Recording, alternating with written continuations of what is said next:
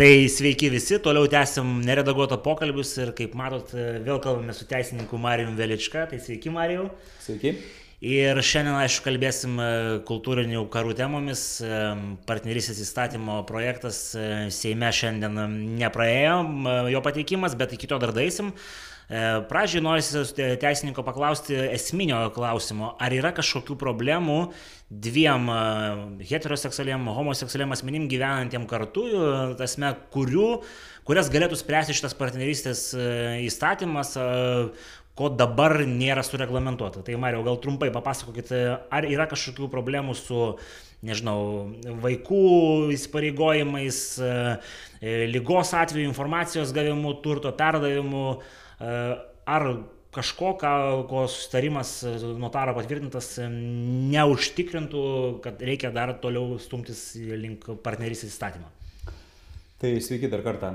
Tai pradėkim turbūt nuo to, kad e, kada buvo priimtas civilinis kodeksas, civilinėme kodekse buvo numatyta, 2001 metais buvo numatyta, kad per ateinančius dviejus metus, civilinėme kodekse buvo numatyta galimybė sudaryti partner, e, partnerystės institutas, ar ne?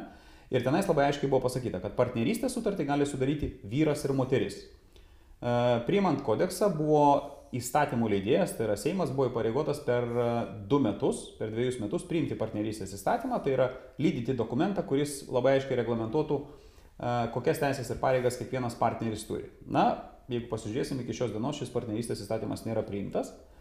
Tai yra vienas faktas. Kitas faktas yra, kad dabar jau mes su be jo gyvename 19 metų, ar ne, beveik 20 metų ir tos problemos jokios nėra. Lietuvoje tikrai gyvena daug nesusitokusių porų, ar ne, kurios gyvena kartu, gyvena, augina vaikus ir jokios problemos, jokios problemos dėl informacijos teikimo, dėl dar kažko tikrai nėra. Yra išskirtinių atvejų, tam tikrais atvejais, kada taip, būna kažkokių tai dalykų, kurie būna nesureglamentuoti, ypač skirybų atveju, kada, sakykime, žmonės, kurie gyvena nesusitokę, jie nusprendžia pasukti skirtingais keliais. Tada taip, tada iškyla klausimas, kiek kurio yra investicija į bendrą turtą, kuris yra registruotas vieno iš partnerio vardu. Ir tada atsiranda jau tas, sakykime, ginčas. Bet tokie patys ginčiai yra lygiai taip pat ir santokos bylos, santokos nutraukimo bylose. Tik tai vienintelis dalykas yra tai, kad santokoje įgytas visas turtas yra traktuojamas kaip bendra jungtinė nusavybė, tai yra nepriklausomai nuo to, kieno vardu yra registruotas, Jeigu nėra kažkokios sutarties papildomos. Žinoma, jeigu nėra iki vedybinių ar po vedybinių sutarčių, tai tada traktuojama, kad visas užgyventas turtas santokoje yra po vieną antrąją priklauso abiems sutoktiniam. Partnerystės e, pagrindais gyvenantis asmenys dažniausiai vienas iš partnerių turi jau turtą registruotą savo vardu, ar ne?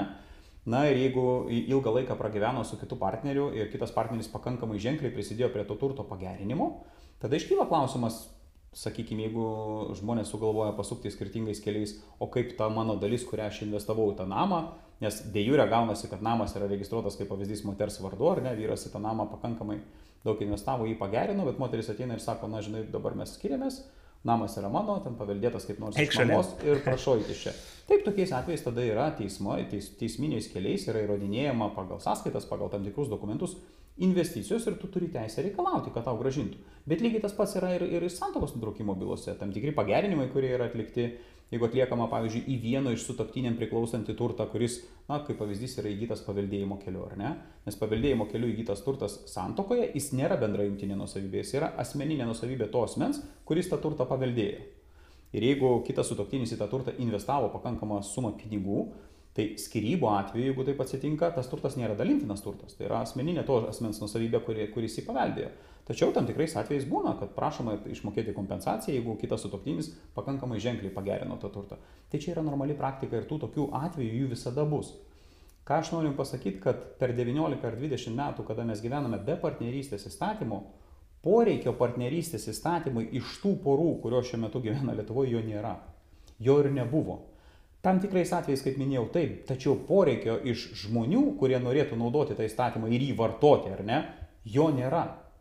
Todėl e, galiu e, drąsiai pasakyti, kad šiuo metu visas teisinis reglamentavimas Lietuvos Respublikos teisinės sistemos yra pakankamas, kad du žmonės, nenorėdami sudaryti santokos, tikrai galėtų tinkamai susireglamentuoti savo santykius tinkamai registruoti turtą, jeigu perka už bendrus pinigus, nuvykę pas notarą suforminti sandorį ir nustatyti tam tikras dalis ar ne, tinkamai auklėti vaikus, kaip jūs paminėjot, na, vaikų auklėjimas ir vaikų išlaikymas yra visiškai atskiras institutas, visiškai nepriklausantis, ar tu esi gyvenantis santokoje ir augini vaikus su žmona, ar tu gyvenantis, e, na, šiuo atveju, kaip, sakykime, sugyventiniai ar ne ir auginant bendrus vaikus.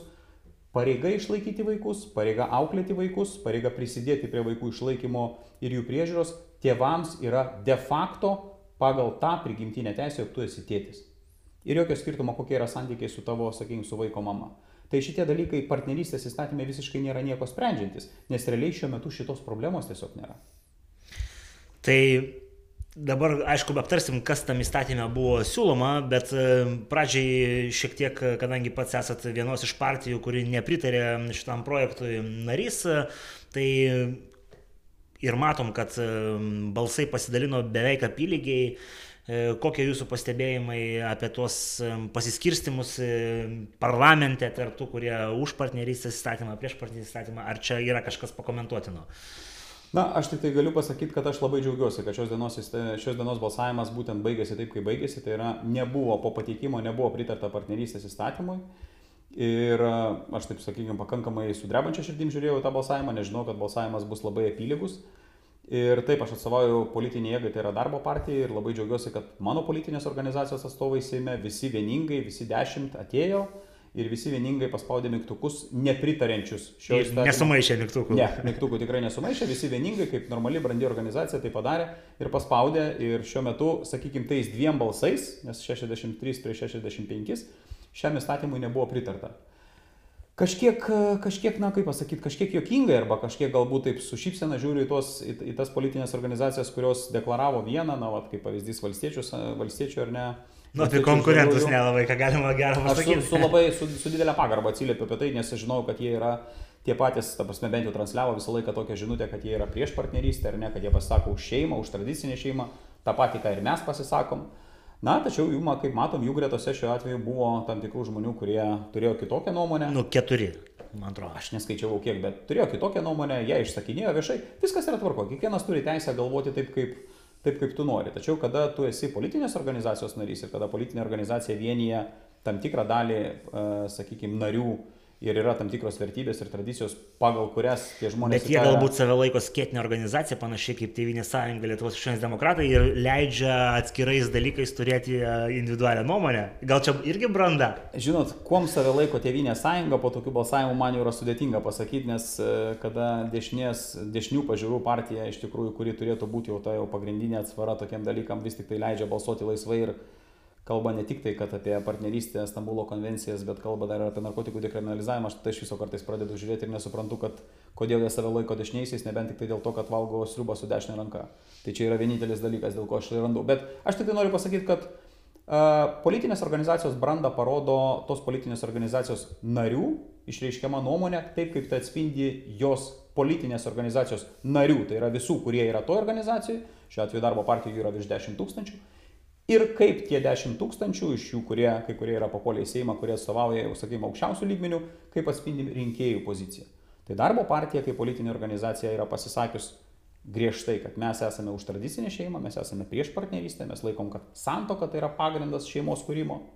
Taip yra kiti įmanomi būdai, bet jokiais būdais ne partnerystė ir jokiais būdais ne lyčiai neutrali partnerystė. Dėl to mes vieningai tikrai prabalsavome, aš to labai didžiuojuosi ir džiaugiuosi. Kitos partijos taip pat prisidėjo, bet kuriu atveju mes šiandieną matom puikų rezultatą, matom, kad ir Tevinės sąjungoje buvo žmonių, kurie pasisakė, kitokią nuomonę turi.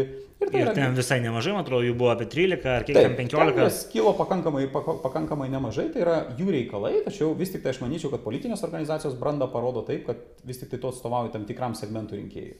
Ir tu atstovauji galutiniam variantė, tu atstovauji savo politinės organizacijos narius.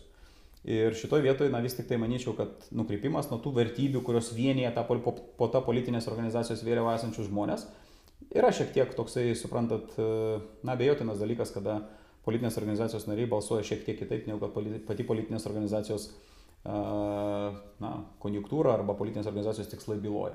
Tai šiuo atveju tiek valstiečiai, tiek socialdemokratai, tiek, tiek konservatoriai šiandieną tikrai parodė, kad na, jie pas juos yra skirtingai mąstančių žmonių.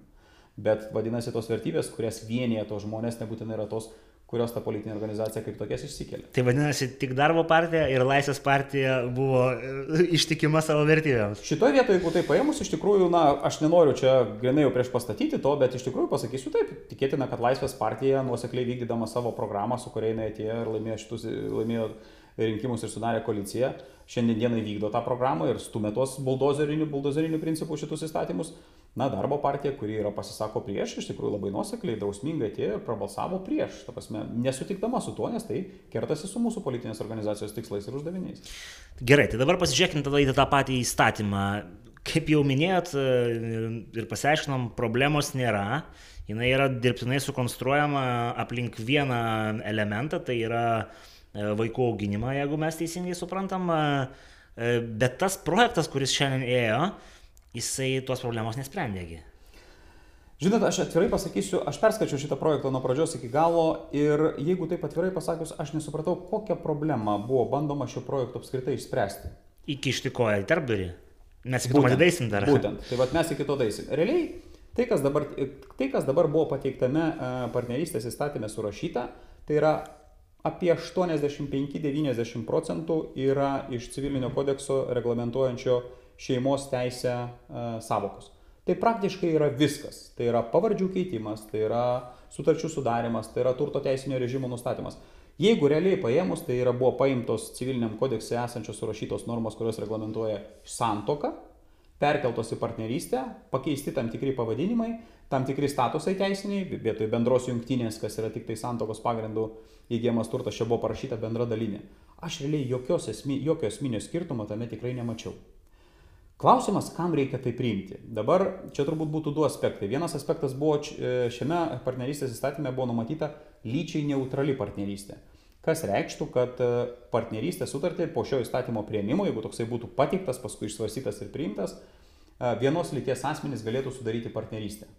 Šitoje vietoje mes iš karto susidurėme su didžiulė problema, kurią mums dėja, bet yra sukūręs Lietuvos Respublikos konstitucinis teismas, kuris yra išaiškinęs, kad šeimos samprata, taip kaip jinai yra apibriešta Lietuvos Respublikos Konstitucijos 38 straipsnėje, atsiprašau, santoka, kaip yra apibriešta Lietuvos Respublikos Konstitucijos straipsnėje, nebūtinai apima vien tik tai šeimą. Reiškia, taip kaip Konstitucinis teismas išaiškino, tu gali sukurti šeimą santokos pagrindu.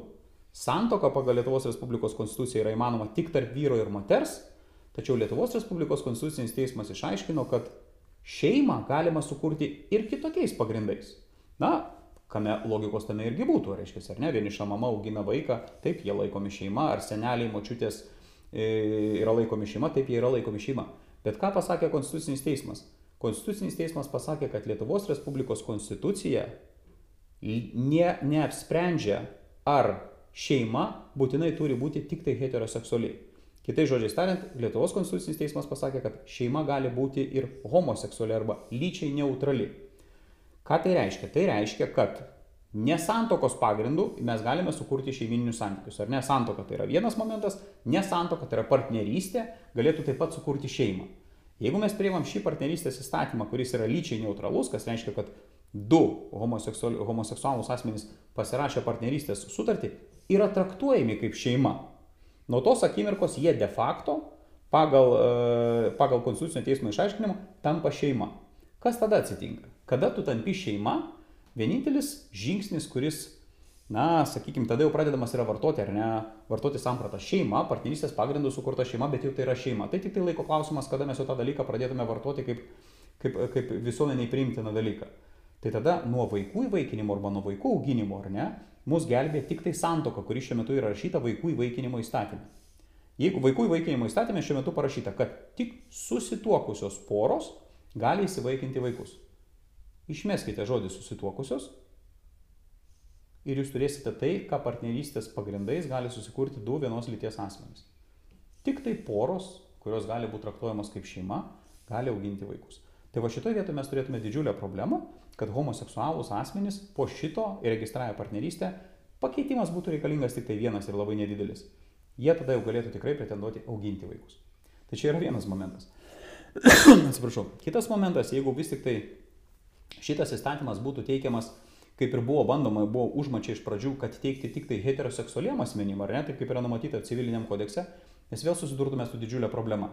Jeigu mes priimtume tokį įstatymą, kuris reglamentuoja tik tai vyro ir moters partnerystę, kas liktai ir atitiktų mūsų visų supratimą, ar ne, kad tai liktai taip turėtų būti. E, Europos žmogaus teisų teismas tikrai po kreipimosi, o kreipimasis tikrai būtų vienareikšmiškai iš LGBT bendruomenės ar iš bet kur kitur, pasakytų, kad priimtas toksai partnerystės įstatymas šiuo metu yra diskriminuojantis homoseksualias šeimas. Nes Lietuvoje girdėjai yra numatyta, kad tik tai heteroseksualai gali sudaryti partnerystę. Ir šioje vietoje nemaišykim. Ne santoka, nes santoka gina konstituciją. Ir santoka pas mus yra įtvirtinta, kad gali sudaryti tik tai vyras ir moteris. Ir Europos žmogaus teisų teismas yra pasakęs, kad į santokos institutus jau negali kištis ES, ES institucijos. Tai yra paliekama šaliai pačiai spręsti, va, tą, ką daro Vengrija, tą, ką daro, tą, ką daro Lenkija.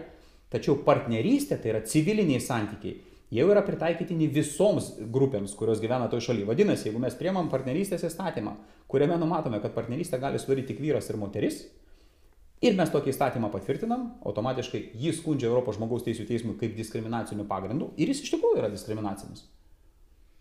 Mes pralaimim bylą Europos žmogaus teisingumo teisme, gaunam Europos žmogaus teisingumo teismo sprendimą taisyti ir koreguoti, nes tai yra diskriminacinių pagrindų ir tada mes jau niekur nebesitraukiam. Va tada jau būtų įkišta koja į trupdurį į koją į tarpdurį įkištų bet koks įstatymo prieimimas.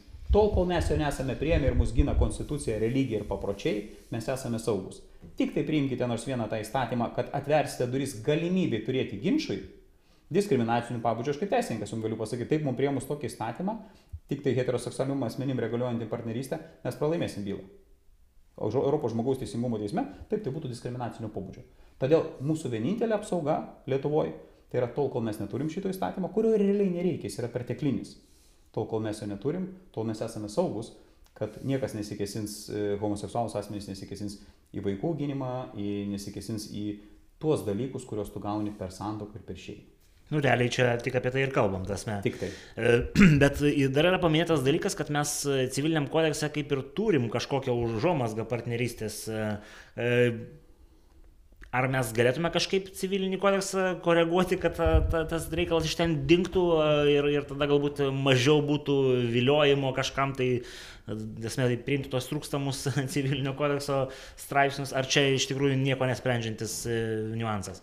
Tai, kaip aš ir minėjau prieš tai, šiuo metu mūsų teisinis reglamentavimas yra pakankamas kurti bendrą, bendrą turtą, bendrus santykius. Pas mus yra civiliniam kodekse reglamentuota reglamentuota jungtinė veikla arba partnerystės, ar ne, partnerystė, kur tu gali susidėjęs su partneriu nepriklausomai nuo lyties.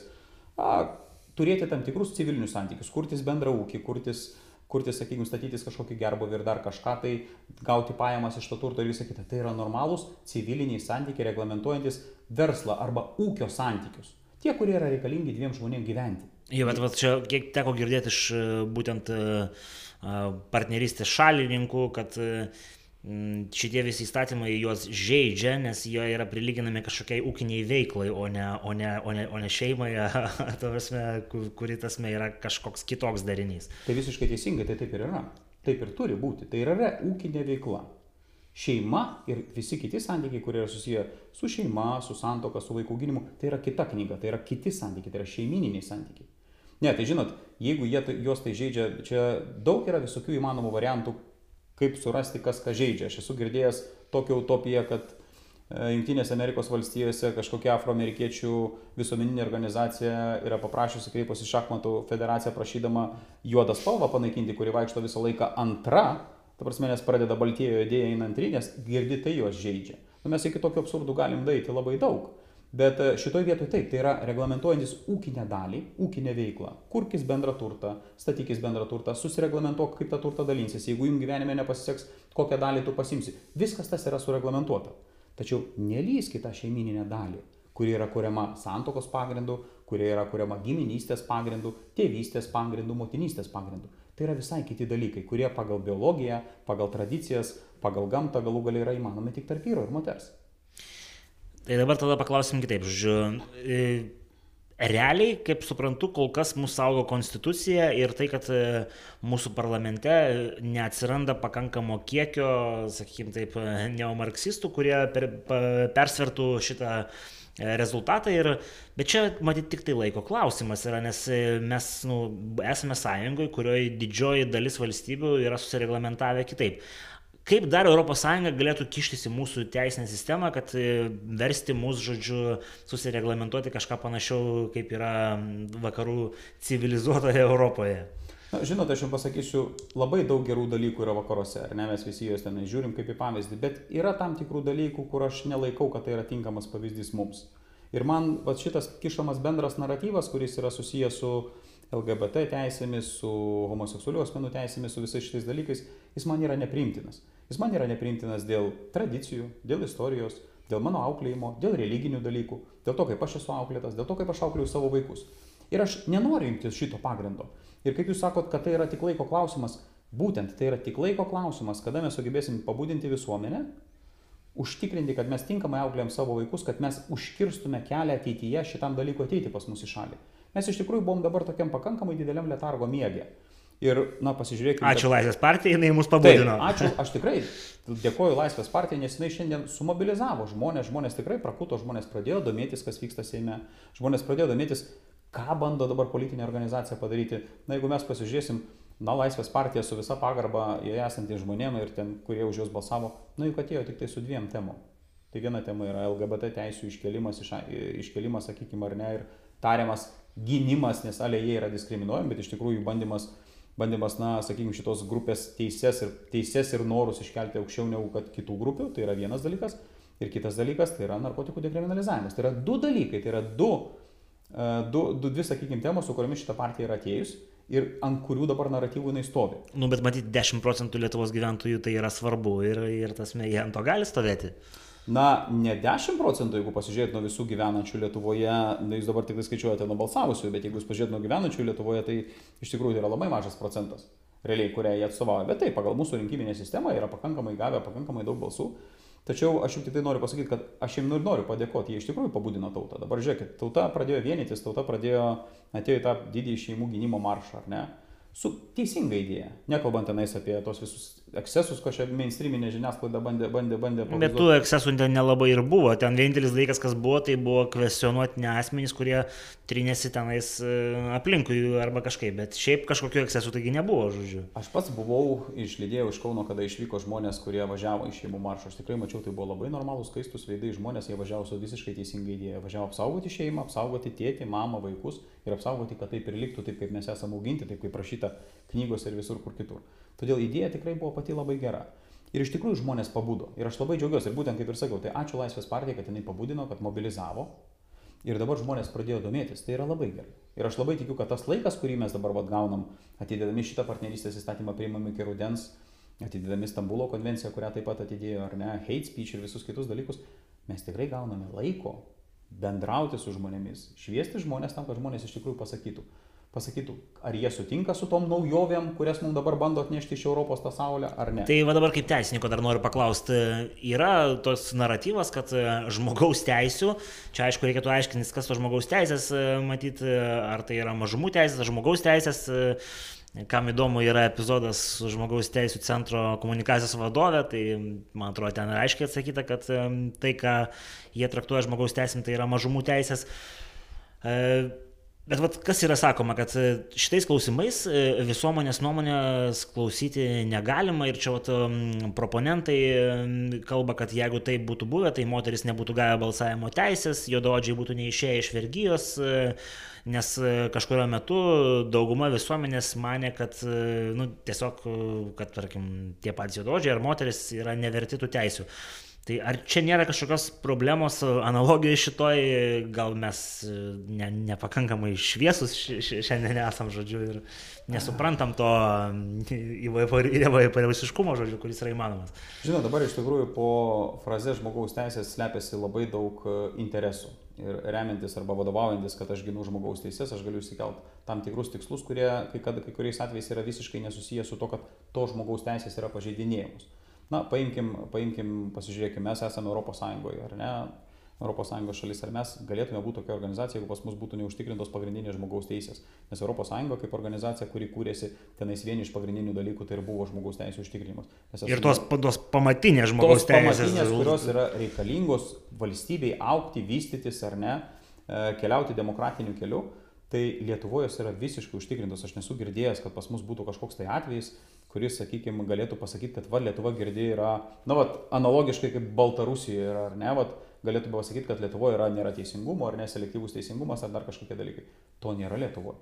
Ir visi žmonės Lietuvoje gyvena laisvi, demokratiškai, turi teisę į, į religiją, į, į, į seksualinius visus, reiškia, seksualinį požiūrį ir visą kitą.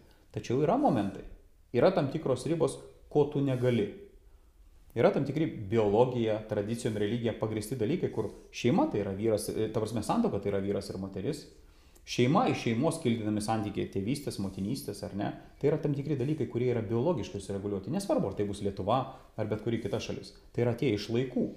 Juk negali būti e, dviejų homoseksualių asmenų šeimoje gimti vaikai, ar ne? Nu, tai yra biologiškai, tai yra neįmanoma. Nu, mokslo pagalba gali? Nu, čia jau nebūtų biologiškai, čia jau būtų mediciniškai. Bet biologiškai žiūrint tai yra neįmanoma. Todėl mes iš tikrųjų ir laikome šitos tradicijos ir, šitos, ir šito dalyko. Ir Lietuva kaip religingas kraštas, kaip tradicijas puoselintis kraštas ir istorija, nu tai turėtų būti gerbtina. Mums negali nei ES, nei bet kuri kita organizacija primesti savo valią, sakydami, kad mes dabar turim gyventi kitaip. Žiūrėkit, mes gerbiam, kad jūs norit gyventi kitaip. Jums patinka gyventi taip, jūs norite puoselėti tuos santykius, uh, puoselėkit. Mes Lietuvoje puoselėm tokius santykius. Mes rodom pagarbą šeimai, rodom pagarbą motinystėj, tėvystėj, rodom pagarbą santokai. Ir mes norim taip toliau gyventi. Ir nereikia mūsų keisti. Susitaikykit su to, kad mes tokie esame. Mes neturim, jūs neturite mums reguliuoti visose įmanomose dalykuose. Jūs turite rasti ribas, taip ekonominiai dalykai, žmogaus teisų, kaip jūs minėjote, dalykai, užtikrinimas.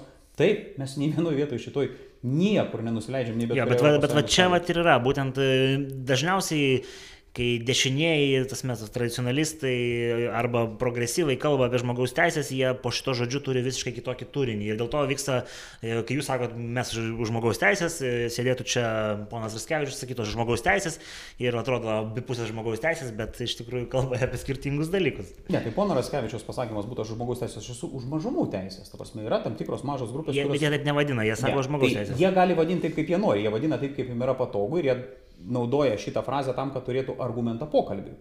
Bet realiai, kokios jų teisės yra pažeidžiamos, nei viena jų nėra pažeidžiama. Šiuo metu pagal Lietuvoje galiojančius įstatymus, nei viena jų teisė nėra pažeidžiama. Kad jie nori tas teisės šiek tiek, na, sakykime, modifikuoti ir prisitaikyti taip, kaip yra patogu jiem pagal jų būdą, mes jau su to nesutinkam, nesutinka heteroseksuali visuomenės dalis.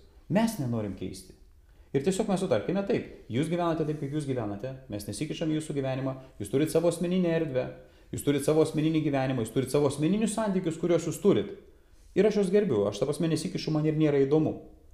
Ir aš turiu savo asmeninius santykius, namus, šeimą. Tačiau yra dar vienas dalykas, mes turime ir vaikus. Ir kada mes kalbam apie vaikus, šitoj vietoj jau, kada jūs norite man primesti savo naratyvą, kuris liečia mano vaiką, mano vaiko suvokimą, mano vaiko aplinką, kurią jis įsuks, jau mane kaip tėvą įpareigoja kištis ir pasakyti, žinai, ne, šitos, šitos vietos nereikia peržengti. Aš nesikišu ir leidžiu jums gyventi ir daryti taip, kaip jūs tenais norit, tačiau aš nenoriu, kad jūs tai atneštumėt mano vaikui ir kad mano vaikas apie tai žinotų. Nes aš laikau, kad tai yra nukrypimas nuo normos. Ir čia aš nežinau, galbūt bus pakankamai toksai, na, griežtas pareiškimas ar ne, nenoriu tikrai nieko įžeisti, bet aš vis tik tai laikau, kad heteroseksualų žmonės ar ne, heteroseksualų žmonės yra Na, tai yra ta, ta norma, ne? tai yra ta normali visuomenė, kuri yra tokia gimusi. Tai yra ta norma, prie kurios mes visi taikomės. Homoseksuali visuomenė tai yra nukrypimas nuo, nuo tos normos. Aš nesakau, kad iškrypėliai nevadinu tuo žodžiu, bet tai yra nukrypimas nuo tos normos.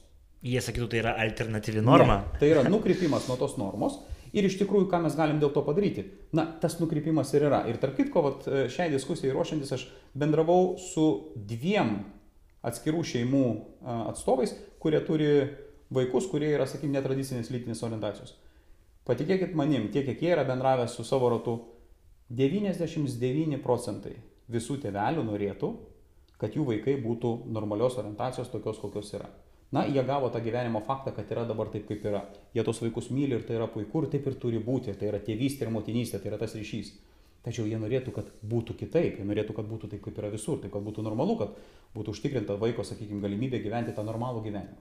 Ir tas nukrypimas normos, nukrypimas nuo normos yra šiandien dienai, nu jis yra, mes su juo galim tik tai susigyventi, bet nereikia daryti, kad nukrypimas nuo normos taptų norma. Tai va šitoj vietoje aš ir pasisakau toj, kad aš toleruoju, aš sutinku, aš suprantu, kad jie tokie yra, aš suprantu, kad jie taip gyvena, aš suprantu, kad jiems nėra lengva, Nes, na, jų bet kuriu atveju tai yra selektyvus, selektyvi tam tikra jau bendruomenės dalis. Tačiau norma yra heteroseksualų santykiai. Nukrypimas nuo normos yra homoseksualų santykiai. Ir tai turi likti nukrypimas nuo normos. Jisai gali būti, mes jį galim toleruoti, bet jis niekada neturi patapti normų. O štai yra mano tokia pozicija. Ok, tai dar kaip teisininko paklausiu dar kartą, nes biškai nutolo nuo to. Kadangi senos ES valstybėse tas santykis tarp normos ir nukrypimo nuo normos jau yra pasikeitęs, ko mes dar galim laukti iš ES institucijų tiesiogiai arba per va, tokias parašiutinės organizacijas ir jų atstovus kaip pavyzdžiui Lietuvos gėjų lyga, žodžiu, ar panašios, kokie dar galėtų būti intervenciniai projektai, bandyti, žodžiu, priimti va, tokius įstatymus, kurie būtų palankus išplėsti E, netradicinių pažiūrų žmonių teisės.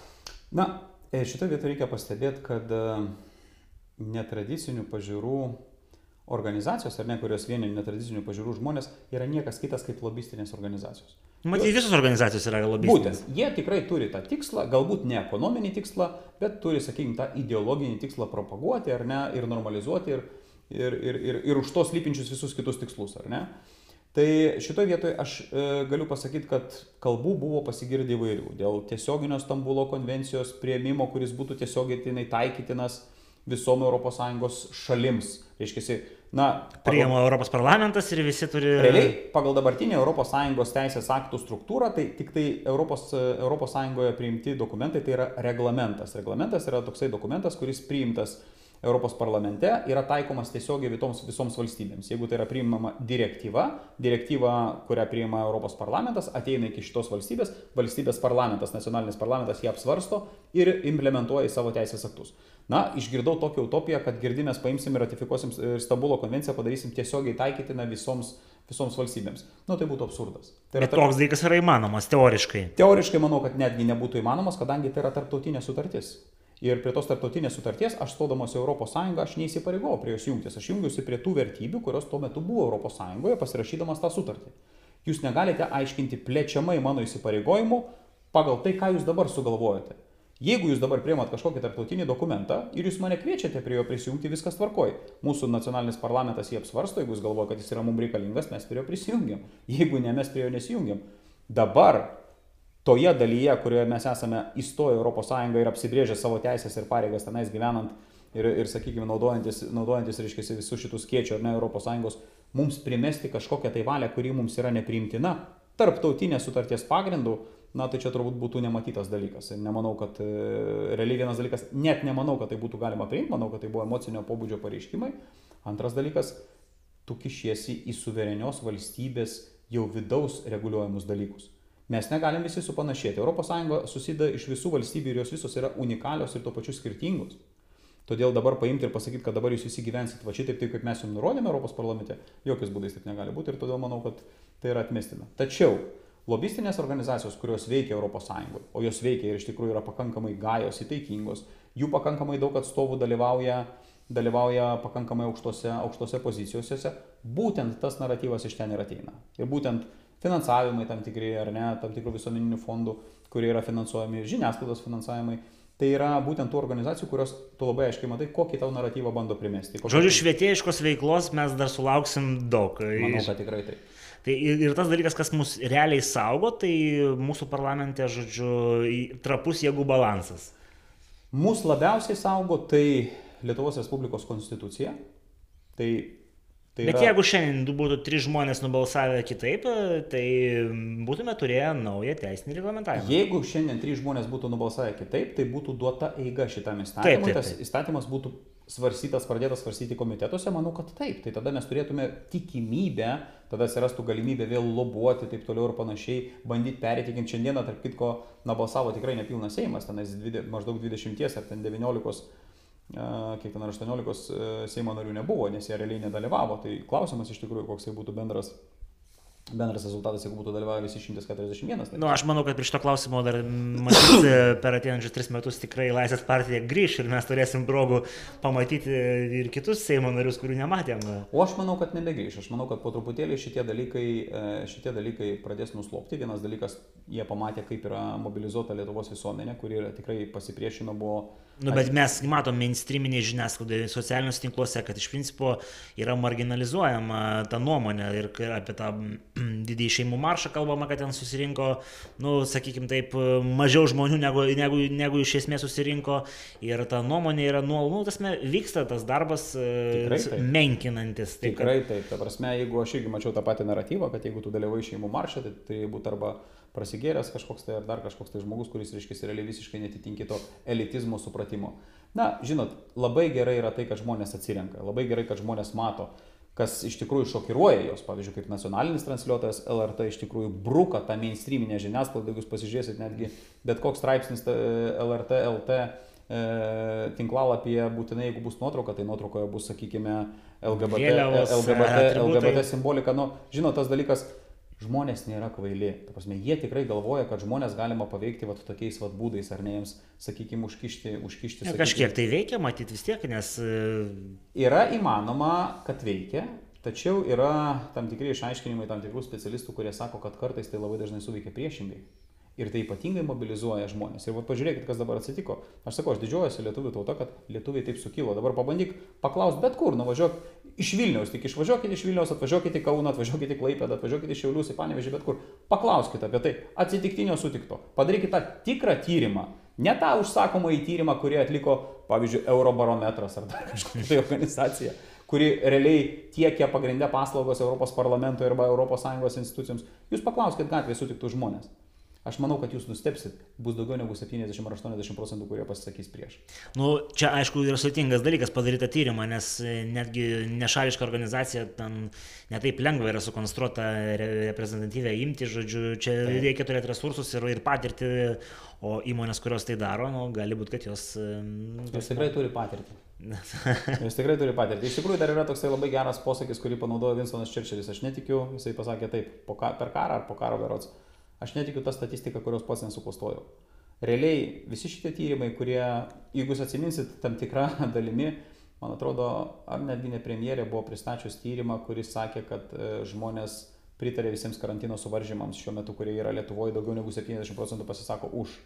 Tuo tarpu kažkas padarė analogišką tyrimą ir didelė dalis, šiandien 90 procentų žmonių pasakė prieš. Na tačiau bet kuriuo atveju valstybė, vyriausybė turėdama resursus, negali turėti tos tyrimus su tais rezultatais, kurie jiems yra reikalingi. Liūdna, bet tokia realybė, tasme, kad kieno galios svertai rankose, tas šiek tiek turi daugiau, tasme, galimybių. Tai ką, Marijau, manau, kad e, visiems, kurie pažiūrėjo iki galo, pasidarė šiek tiek aiškiau ir dėkui už skirtą laiką. Gal dar kažką praleidom, ką norėtumėt pridurti? Na, šioje vietoje tik tai galiu pasakyti ant pačio galo, kad aš labai džiaugiuosi, kad šiandieninis Seime balsavimas parodė, kad Lietuvoje, realiai Lietuvoje dar sąmonė ir supratimas yra gyvas, kad mes realiai dar tikrai esame ne nu na, sakykime, dar tiek nenučiuožę, kad priminėtume bet ką, realiai žmonės atsitokėjo, realiai pradėjo kreiptis į savo Seimo narius, realiai pradėjo spausti savo Seimo narius, kad jie tikrai atstovautų ir tinkamai atstovautų tą visuomenės dalį, kurį jūs rinko, ir jūs realiai šiandieną pamatėte balsavimą. O tai realiai čia faktas, kad jūsų partijos kolegos gavo iš e, savo rinkėjų kažkokį spaudimą? Nespaudimą. Mūsų partijos kolegos, iš tikrųjų mūsų darbo partija pasidarė tarybos posėdė, kurie išsisvarstė ir apsisorganizavo, ar tai yra mums svarbu, ar tai yra mūsų pamatinės vertybės, kokia yra mūsų pozicija ir priemė sprendimą, kad mes pasisakome prieš partnerystę. Bet ar klausimas buvo, ar kažkokių sulaukėt e, tasme iš rinkėjų, iš žmonių pasisakymų šią temą? Taip, tai mes sulaukėm mūsų partiečiai, kurie yra per visus skyrius bendrauja su savo rinkėjais. Rinkėjai iš karto pasakė, kad na mes už jūs balsavome, jūs neturite teisės, netgi moralinės teisės. Galvoti kitaip. kitaip prasme, nes mes jūs rinkom dėl to, kad mes pripažįstam, kad būtent šitos vertybės mus vienė ir dėl to mes už jūs, už jūs sakykime, atidavėm balsą. Ir mes būtent šitą dalyką išsigryninę, lygiai taip pat išgryninome ir mūsų Seimo nariai paėmė ir priemė tą sprendimą ir atėjo ir prabalsavo būtent taip, kaip mūsų kaip politinės organizacijos nariai ir rinkėjai mūsų pareigojo daryti. Nu ką, tai manau šią natą ir baigiam. Ne, negaliu labai iš savęs daug panegerikos pasakyti partijai, kuriai, kuriai atstovaujat, bet visgi gražu, kad e, vertybiniuose karuose buvo aiškiai pozicija ir neviniojama į vatą. O žiūrovom noriu pasakyti, kad e, jeigu norit daugiau tokių pokalbių kaip šis, e, nepamirškite mus paremti, prisidėti, pafollowinti ir ką iki kitų kartų. Viso geriausio.